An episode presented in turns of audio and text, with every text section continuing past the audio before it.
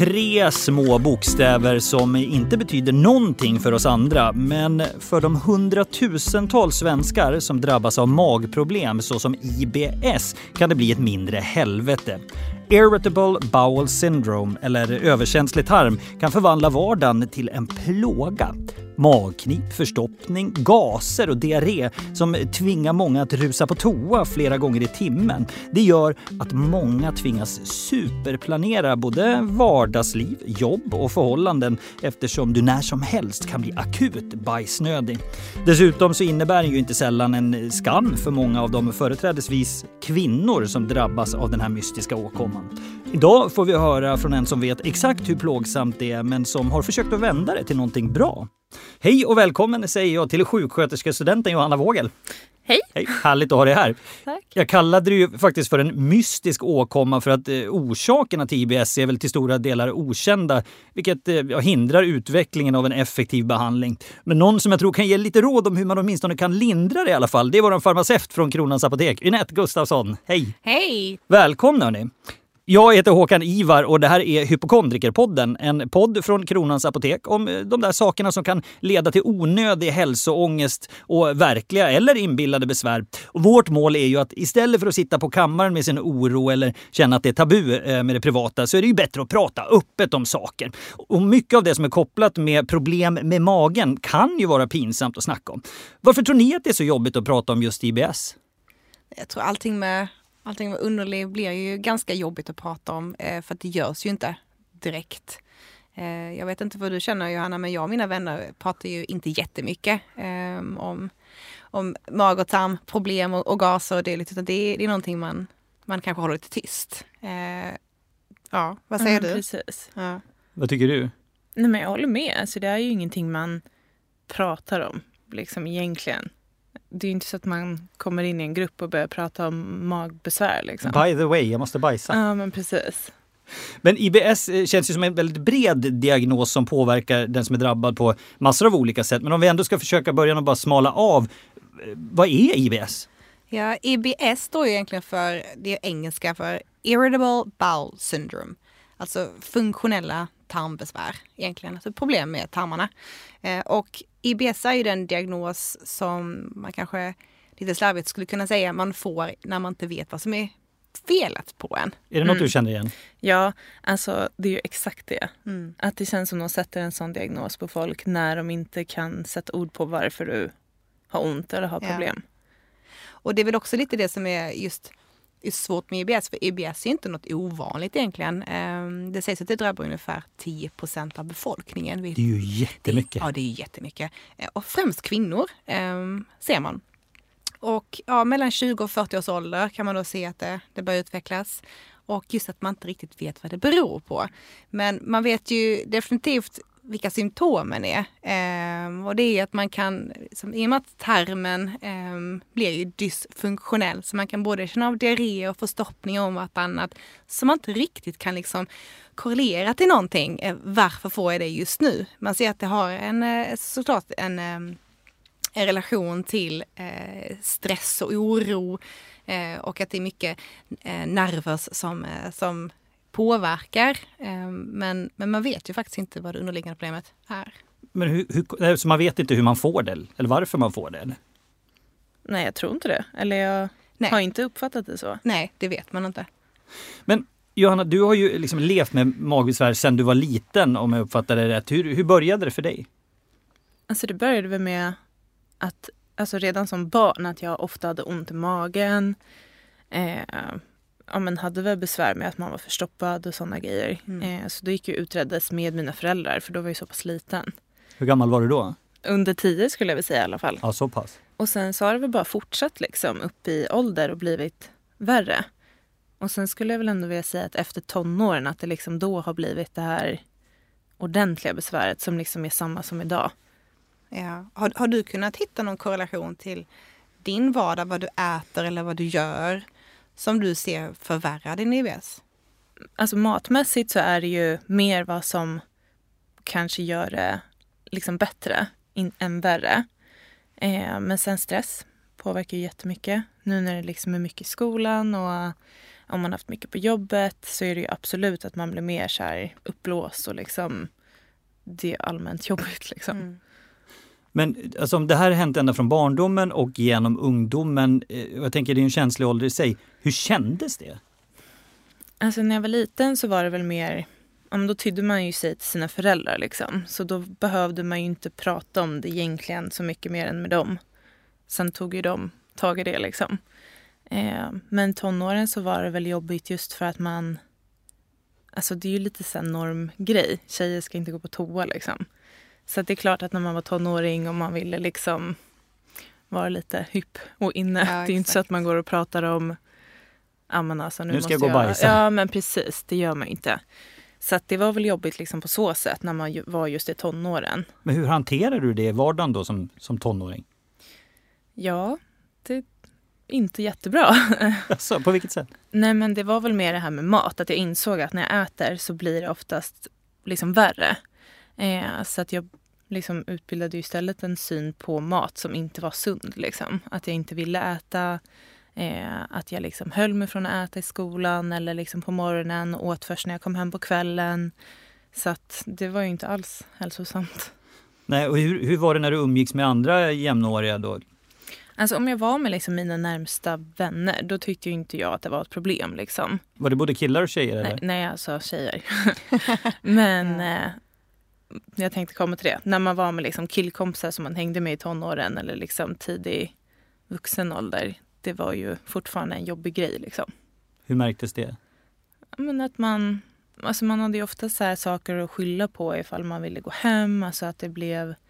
Alltså det var inte så att man ville säga att man skulle gå hem för att man hade ont i magen och behövde gå och bajsa. Liksom. Alltså då sa man ju typ Nej men jag måste hem, mamma ringt eller liksom jag...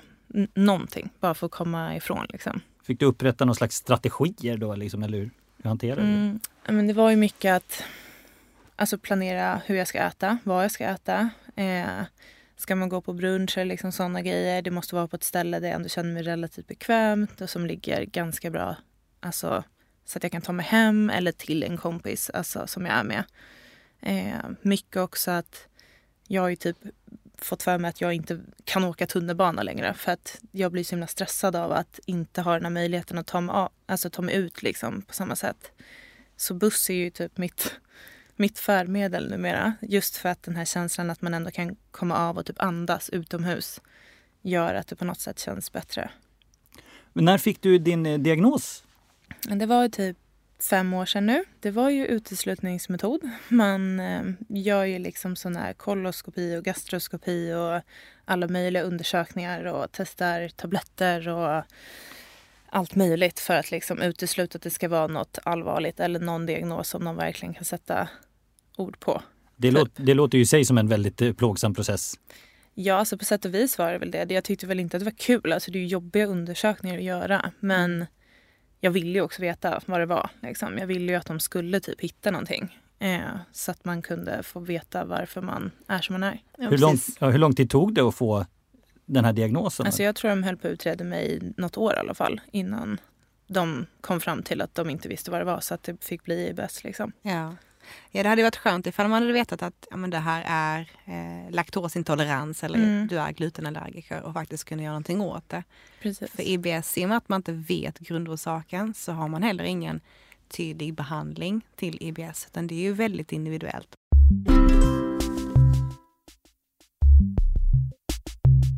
Alltså, du har ju ändå gått med de här besvären sedan barndomen och fick din diagnos först för fem år sedan var det va? Mm. Hur känns det?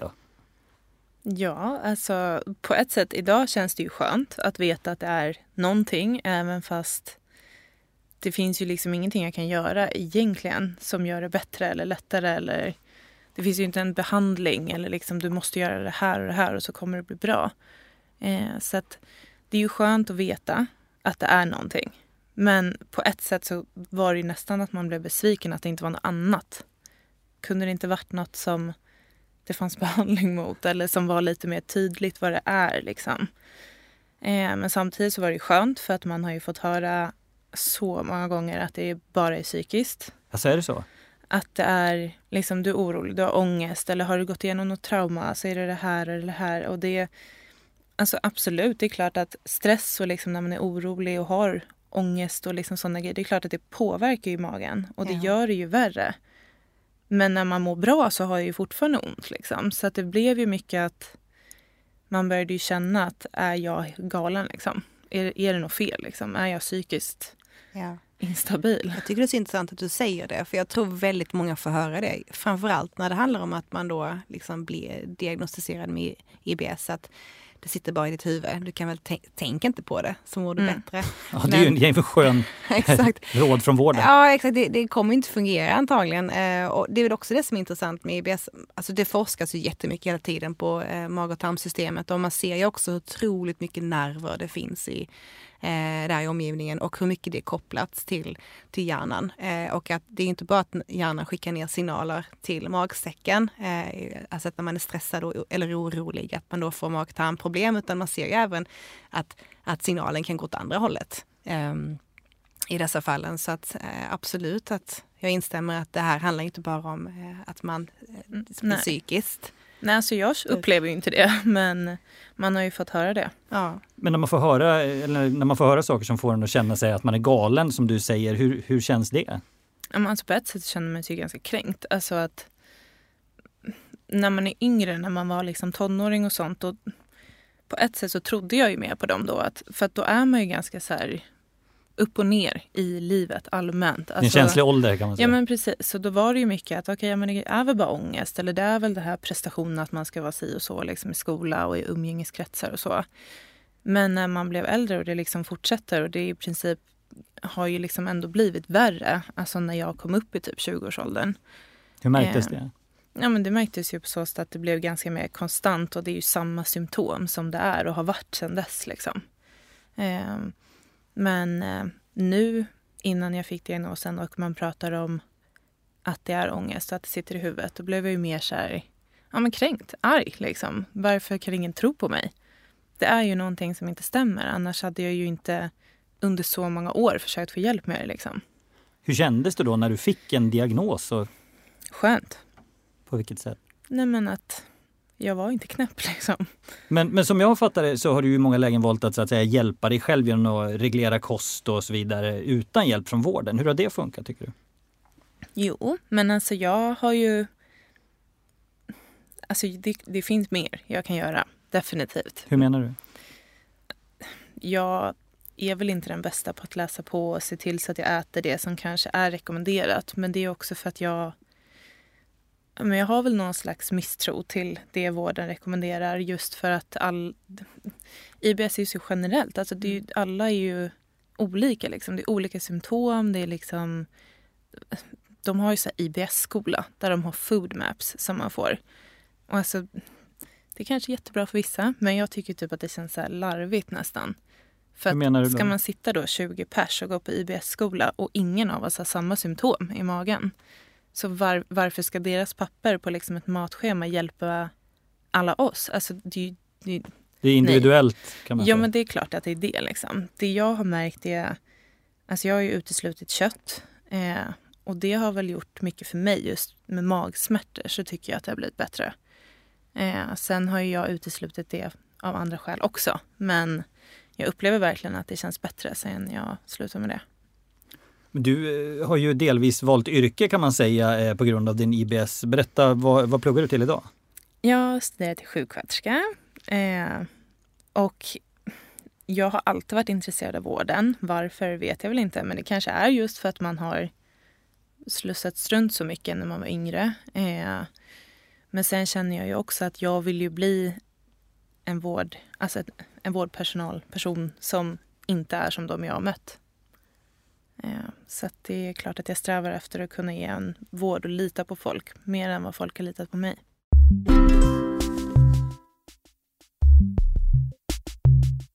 Ja, men det verkar ju finnas otroligt många sätt att behandla sig själv eh, i relation till hur få receptbelagda behandlingar det finns. Eh, vad tänker ni om det? Ja, när man tittar på vilka behandlingar som man kan få. Jag menar när, när våra kunder kommer till oss på, på Kronans apotek och frågar kring just detta, vad man kan göra och inte göra. Då, då är det väldigt viktigt, precis som du också gjorde då, att från början faktiskt få en, en ordentlig utredning ifall man har mycket problem i mag-tarmkanalen. För det är väldigt svårt att säga vad det kan bero på. Och det kan ju bero på ganska mycket som är lättåtgärdat eller i alla fall åtgärdningsbart, liksom behandlingsbart. Som då är det man först ska göra innan man då konstaterar att du kanske lider av IBS. Som vad då? Exempelvis det jag var inne på tidigare, att det skulle kunna vara att du är allergisk mot något födoämne. Eh, exempelvis då laktos eller mjölkprotein. Du kanske är glutenallergiker och en glutenallergiker ska ju absolut inte äta gluten för det är direkt farligt för tarmen. Då gör jag ju tjänstefel om jag rekommenderar någonting som skulle kunna reglera tarmen. Det är därför det är viktigt att vi tidigt, vi eh, som får ge råd, faktiskt försöker utreda vad kunden har gjort sen tidigare och symptomen och vad man då har liksom lyckats utesluta eller inte. Um, och sen då ifall vi vet med oss att nej men det är IBS som, um, som jag fått diagnostiserat eller gjort alla utredningar, vi vet fortfarande inte. Då finns det ju um, mindre liksom, icke-skadliga produkter man kan testa. Och exempel som inte vet vad du har testat kring det eller vad du har fått för råd. Men som ett exempel så kan man ju få sådana tarmreglerande pulver som ett exempel för att just försöka stabilisera mag-tarmkanalen. Eh, som ska försöka hjälpa till att minska diarréerna och minska förstoppningen för att få en mer liksom, normalfungerande tarm. Jag vet att man även kan bli rekommenderad probiotika ifall man tror att det kanske har att göra med en obalans i, i bakteriefloran i, i magen eller i tarmen. Um, är det så att man upplever att nej men, jag har mycket problem med gaser, då, då har vi faktiskt preparat som minskar gasbildningen i magen. Och att då vi då kanske pratar lite kring vilken kost man förhåller sig till. Men man kan ju likväl känna att nej men, mitt problem är förstoppning. Ehm, så det är olika vilka symptom man har. Sen finns det även såna specifika IBS-läkemedel. Vad är det? Det är växtbaserade läkemedel som vi bland annat säljer. Där, där man då har sagt att nej, men indikationen här är IBS som har kommit på senare år. Men jag skulle inte säga att det finns ett IBS-läkemedel som hjälper mot specifikt IBS för vi vet ju inte vad IBS är. Och hade det varit så att en, att en produkt funkar, då hade ju faktiskt alla med IBS ätit det och, och blivit friska. Så är det ju. Quick fixen så att säga. Vilken är din erfarenhet av, av den här typen av preparat? Inte så mycket växtbaserat och sådana grejer har jag testat. Men det här pulverna du pratar om, så mm. Inolaxol och mm. sådana grejer mm. har jag ju fått testa. Precis. Hur har det funkat då? Alltså jag tycker ju inte att det är så himla nice att ta dem där. Det är typ stora, det är som alltså, det är grus liksom. Så ja. stora korn som man typ ska ha i yoghurt eller liksom ett glas vatten och då lägger de sig på botten som en liten grussamling. Mm. Alltså det är ju hemskt. Mm. Och, eh, det är, inte, det är inte alltid trevligt att dricka. Nej, det är Nej, jag själv druckit och, och, ja, alltså, Verkligen ja. inte. Jag tänker typ så nu när jag pluggar också och har praktik. Alltså då matar vi ju de äldre liksom med mm. såna här pulver i typ en klick sylt för att de inte ska känna för att det är så mm. hemskt mm. att äta det där gruset. Så att nej, alltså det du har nämnt är väl inte något för mig helt enkelt. Nej. Men probiotika, absolut. Det, mm. det alltså typ i yoghurt och så försöker jag få i mig mm. sånt. Vad märker du för effekt av det? Inte mycket, men det men känns viss. bra. Ja. Liksom. Ja, och det ska man inte utesluta. För jag tror att en del läkemedel kan också... Eh, alltså placebo ska man Precis. ju inte underskatta heller.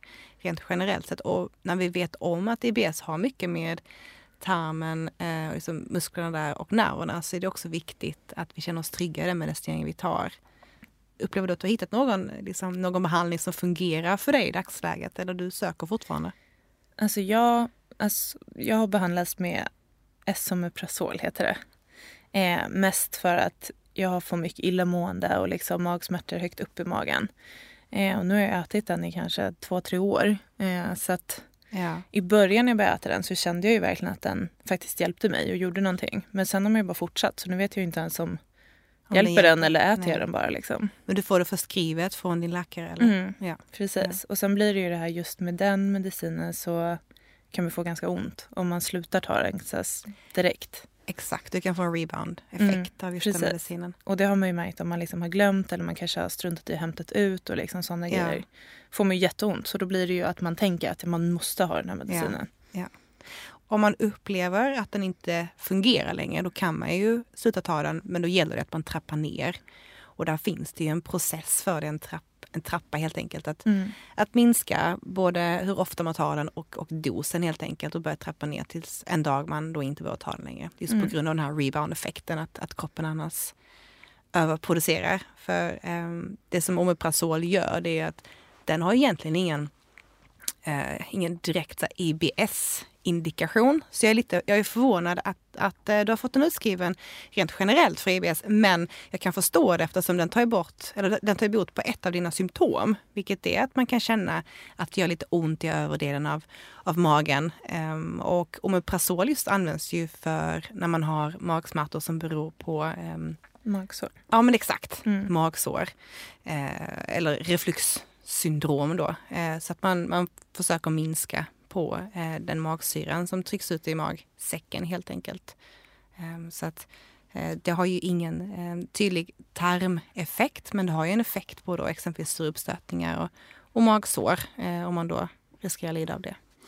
Lägga om sitt liv kan ju såklart kosta på. Du, du har ju anpassat dig Johanna en del efter dina besvär, inte bara kostmässigt såklart. Men om du skulle ta oss igenom en dag eh, från början, hur ser det ut för dig om vi börjar på morgonen? Äter du frukost? Eh, nej, det gör jag inte. Inte frukost? Eh, nej, aldrig.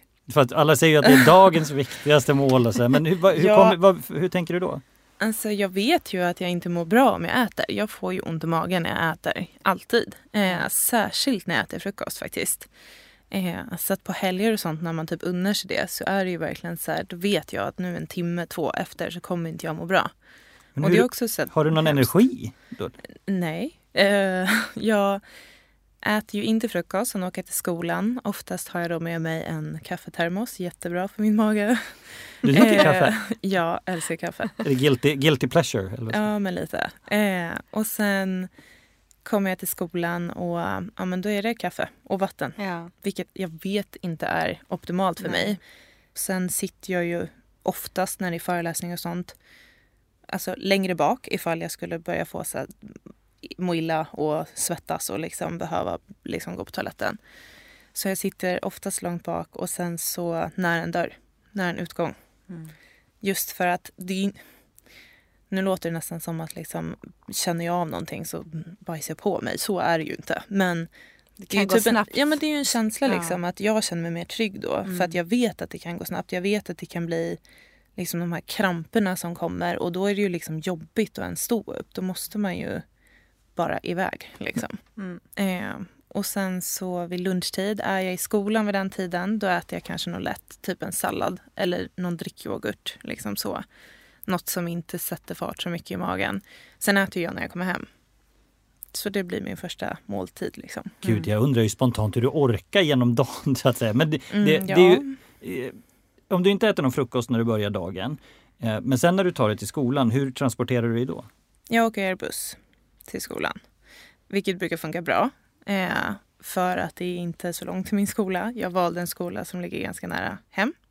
Okej, så du valde skola lite på grund av... Alltså på grund av just det här, alltså skulle det grundar sig i allt med magen. Just för att jag får typ, har ju bildat någon slags ångestmoln över att åka tunnelbana. Just för att jag känner mig så instängd då med ifall någonting händer med min mage. Så att när jag valde skola så ville jag egentligen gå på helt andra skolor. Men valde den här för att då kan jag ta bussen på liksom en kvart och sen är jag där. Wow, då får man ju verkligen säga att IBSen har begränsat. Verkligen. Jag försöker att inte låta det begränsa mig så mycket i vardagen. Men på typ större beslut så gör det ju verkligen det. Du berättade ju lite för mig om en, en gång när du var ute och åkte på Saltsjöbanan. Kan du berätta om eh, eh, alltså ditt värsta minne Mm. när du rör dig i lokaltrafik? Ja, alltså det värsta var den här gången då. Jag jobbade på en vårdcentral ute i Saltsjöbaden. Eh, hade ett möte som, ligger i Älta, eller som låg i Älta, eh, en annan del av Nacka. Eh, skulle ta Saltsjöbanan som går var 20 minut, liksom alltid. Och länka med en buss då i Nacka för att ta mig vidare till Älta. Och det var liksom så här exakt tajmat för att jag skulle hinna. Eh, och då när jag jobbade och så, alltså när man jobbar nio timmar, man måste ju käka under dagen, alltså så är det ju. Så att jag hade ätit lunch där och liksom sådana grejer. Eh, går till tåget, liksom allt är frid och fröjd, sätter mig på den här Saltsjöbanan och bara känner hur liksom hela magen krampar. Eh, och liksom det blir så här, ni vet, man vrider sig nästan i sätet fast man bara, alltså, det här går inte, jag måste gå av nu, jag måste gå på toaletten. Liksom. Eh, Kunde Men- du det?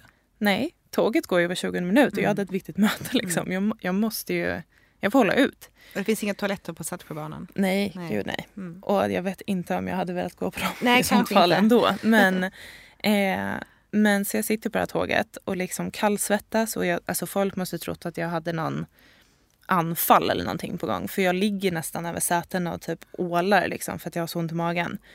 Eh, och så börjar jag liksom kolla att okej, jag har typ åtta minuter från att ta mig från Saltsjöbanan till den här bussen jag ska ta på liksom andra sidan där jag går av. Eh, och åka till Älta. Eh, så jag börjar planera hur ska jag hinna av till och springa in i köpcentrumet som ligger emellan liksom, de här två stationerna. Så att eh, tar tåget, tar typ en kvart, går av tåget och sen kutar jag allt vad jag kan till In på den, toaletten? in på toaletten i en galleria och sen springer jag till bussen. Liksom, Hann du? Jag hann. Jag hann. Men det var hemskt. Ja. Så det är väl det som liksom typ är mitt värsta. Alltså sen har det ju varit många så här incidenter men det är verkligen så här. Det här att ligga Precis. och kallsvettas Ja. och ha något slags maganfall på ett tåg som är liksom proppat med folk. Nej, det var hemskt. Mm. Du berättade ju lite om att du, du inte vill äta. Eh, och sen har du också ut- uteslutit vissa delar i din kost. Eh, dricker mycket kaffe. Eh, Mm. Vilket kanske inte är jättebra för IBS men det är ju gott. Mm. Men har du träffat en dietist för att titta lite på eh, vad de skulle kunna rekommendera och också för att titta lite på liksom, dina näringsvärden så att du inte får brist på något? Nej, det har jag inte. Eh, det har faktiskt aldrig kommit upp heller, liksom Nej. att någon frågar om jag vill eller så. Utan det är ju den här IBS-skolan. IBS-skolan. Mm. Ja. Ja. Och den känner jag ju är... Det kommer inte hjälpa mig liksom. Nej, kommer nej. inte göra det. Vad skulle till för att du skulle känna att eh, nu går jag till en dietist och kollar? Oj, jag vet inte. Det blir ju liksom att man på något sätt, man vill ju bara vara normal. Alltså man vill inte hålla på och liksom ha massa möten inbokat och liksom nu ska jag till vårdcentralen igen eller jag ska träffa den där och den där. Man vill ju gärna bara få vara. Mm. Och det är ju ganska störande att ha någonting som ändå begränsar hela mitt liv liksom och påverkar alltså varenda dag. Mm. Men ja, vad skulle till? Jag vet inte. Att någon skulle säga att jag måste kanske. Ja. Ja, Motionerar du och så? inte tillräckligt. Nej. Det gör väl ingen av oss tänkte jag säga. Tänkte säga, det är just eh, kost och motion. Nej, men även, Men- även för IBS är kost och motion någonting som Mm. jag vet man rekommenderar just för att hitta någon form av balans i tarmsystemet. Men ehm, ja, Precis, och sådana grejer vet man ju ändå. Mm. Att man, man, jag vet ju att bort med kaffe, mer vatten. Liksom, försök tänka på vad du stoppar i dig och rör på dig. Liksom. Men ja, det känns som jag ska schemalägga hela mitt liv för att jag ska typ må lite bättre. Och det känns så här, då överväger jag vad är mest värt.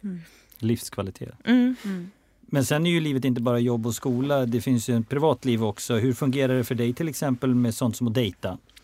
Nu har jag ett förhållande sen ett tag tillbaka. Så där är det ju väldigt bekvämt. Liksom. Vi är ju sambos så att jag känner ju, där är jag ju 100% trygg med allt sånt här. Det är ju inte jobbigt att prata om. Eh, men det är klart att man har tänkt tanken på att om man skulle träffa någon ny, hur gör jag då liksom? Mm. För det känns ju ändå så här, dejta, då går man ju typ ut, tar ett glas, käkar middag. Då vill man ju inte vara den som bara, ursäkta mig, jag ska bara sticka iväg här några gånger. Precis, vi kan inte Alltså- ta den restaurangen för de har för krydd, Ja, kryddig mat. Vi måste ta någon annan Ja. restaurang som husmanskost. Så det är Ja. klart att man känner sig så här orolig och jag skulle väl typ ändå vilja tänka att skulle man då ses och typ käka middag skulle jag ju definitivt ha liksom en backup-plan så att jag kan dra därifrån ifall det liksom blir jobbigt. Eh, eller se till att om man är liksom hemma hos någon att man inte är där för länge. Ja, just det. Och- När and- andra människor som går på dejt har den här en kompis som ringer Ja. ifall det inte går något bra. Du får en kompis som ringer ifall det... Ja precis, ifall jag måste gå på toa. Ja, men om vi, vi ska avsluta det här med några slags handfasta tips då på vad man kan göra utöver läkemedel. Vad skulle ni summera upp som någon topp tre tillsammans? om, om det är så att man vet att man lider av IBS, eh, då hade jag väl som steg ett försökt se ifall jag kunde hitta några samband med vad jag äter eller eh, vad jag gör för att se ifall det finns någon typ av korrelation så att jag lättare kan leva med det och kunna ta höjd för det om det är speciella saker jag ska göra. Så det är väl liksom en grej eh, för att hitta då vad bör jag kanske äta och inte äta. Mm. Vad säger du? Janne? Ja, alltså jag håller verkligen med. Och sen ligg på. Ifall du inte har fått någon diagnos eller fått veta vad det är men du har problem. Det, du ljuger liksom inte. Så ligg på, få en utredning, liksom, se till att de gör någonting åt Mm. det. Liksom. Mm. Och sen så skulle jag ju ändå vilja säga att försöka att inte begränsa sitt liv mer än vad man redan gör Mm. på grund av det här. Att liksom försöka ändå ja, men, gå ut och käka, gör grejer och liksom ta det lite mer som det kommer. Var med folk du är trygg med liksom, och se till att i otryggare situationer att ha nära till något tryggt. Liksom. Så att du ändå kan typ leva så normalt som det går. Ja, nej, jag håller helt med. Och, och den här tabun vi har kring just sådana här saker, att våga prata om det, vå- våga hitta folk att kunna prata. Ja, men Med precis. om. Alla går på toaletten och Mm. alla kan ha magproblem. Det är Ja. inget pinsamt. Liksom. Nej. Ja, just därför är jag extra tacksam att eh, du har kommit och prata med oss idag. Tack så mycket Ja, tack eh. Johanna Vågel för, eh, för att du berättar om din IBS. Jag måste säga att jag själv är lite överraskad över hur många som verkar ha de här problemen och ändå så verkar det inte finnas mer forskning på det här eller någon riktig helgripande kur. Det är vad jag tar med mig i alla fall. Nej, men jag håller med. Det, det är ju inte lätt att rådge kring IBS för att det är väldigt individuellt. Och det finns inte en kur som hjälper alla.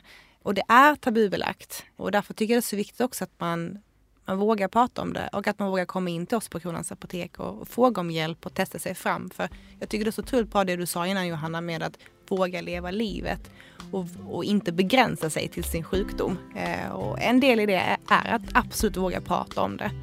Kloka ord. Tack för det. Vi hörs väl snart igen här i Hypokondrikerpodden men för idag så säger vi over and out.